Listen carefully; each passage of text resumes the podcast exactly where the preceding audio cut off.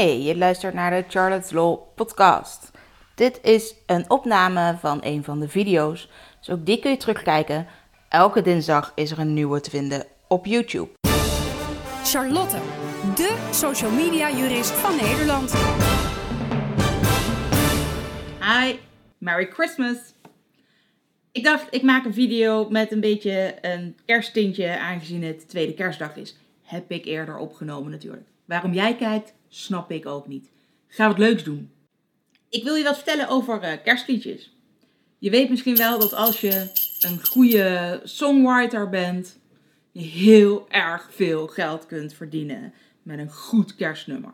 Volgens mij heb je er dan echt maar één te schrijven in je leven en loop je dan gewoon helemaal binnen. Ik heb een paar klassieke kerstnummers voor je opgezocht om te kijken hoe dat eigenlijk juridisch nu zou zitten. Want je hebt natuurlijk wel auteursrecht nodig op zo'n liedje om daar wat geld mee te kunnen verdienen. Dus wie worden er nu nog rijk van sommige oudere kerstnummers? Wat ik nou best een leuk, wat klassieker nummer vind, is Santa Claus is Coming to Town. Dat is in 1985 geschreven. Nou, dat is leuk, maar daar is auteursrecht dus nog niet op verlopen. Want het auteursrecht duurt in elk geval tot 70 jaar na de dood van de maker.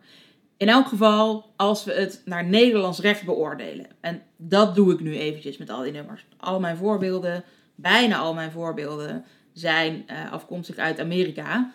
Daar werkt auteursrecht weer een beetje anders en steeds allemaal wijzigende regelgeving gehad. Uh, je kent het misschien wel van voorbeelden van Disney.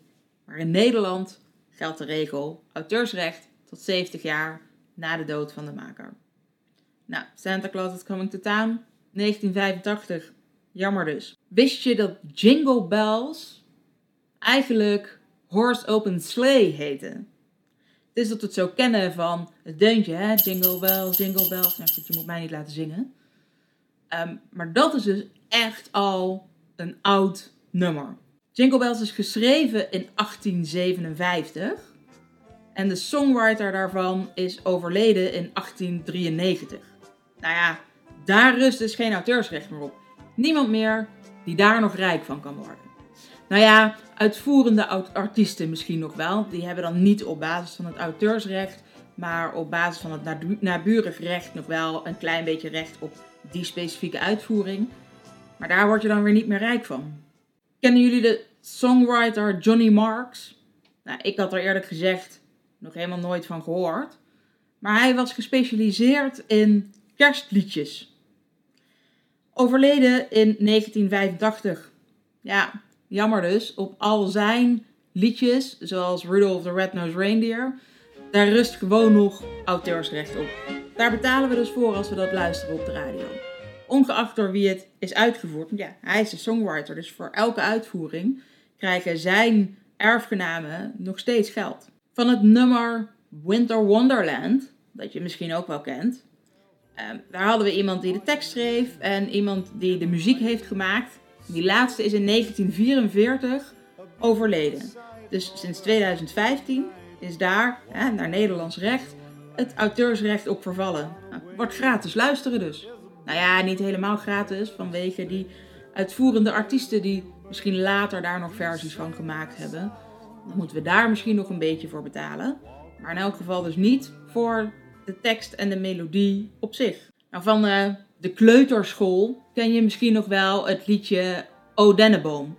Vertaling van een Duits liedje, waarvan de melodie eigenlijk al uit de 16e eeuw stamt, maar toen met een hele andere tekst.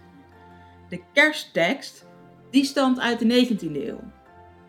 Nou, ook daarvan is inmiddels uh, de tekstschrijver overleden, meer dan 70 jaar geleden. Um, ik zou bijna zeggen, uiteraard, als dat nog in de, in de 19e eeuw is geweest. Um, maar goed, mooi dus. Want ook dat liedje kunnen we dus vrolijk met z'n allen zingen en luisteren zonder inbreuk te maken op auteursrecht. Je kunt er dus ook andere teksten van maken, de melodie gewoon gebruiken uh, om daar misschien wel weer een hele andere tekst op te schrijven. Ga je gang, inbreuk zul je niet meer maken, hoef je dus niks meer voor af te dragen. En dan nog een allerlaatste, Let It Snow. Of eigenlijk het liedje Let It Snow, Let It Snow, Let It Snow. Want drie keer is de officiële titel. Uh, daar is het auteurschap niet van vervallen. Maar misschien wel een heel grappig feitje. Het is in 1945 geschreven tijdens een hittegolf. Uh, ik denk dat ze gewoon heel erg veel behoefte hadden aan een beetje sneeuw. En dat daar dat liedje vandaan is gekomen. Ik weet niet welke liedjes jij vandaag luistert.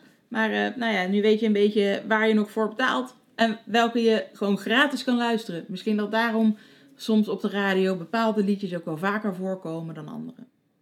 Nog een hele fijne kerst en tot 2018.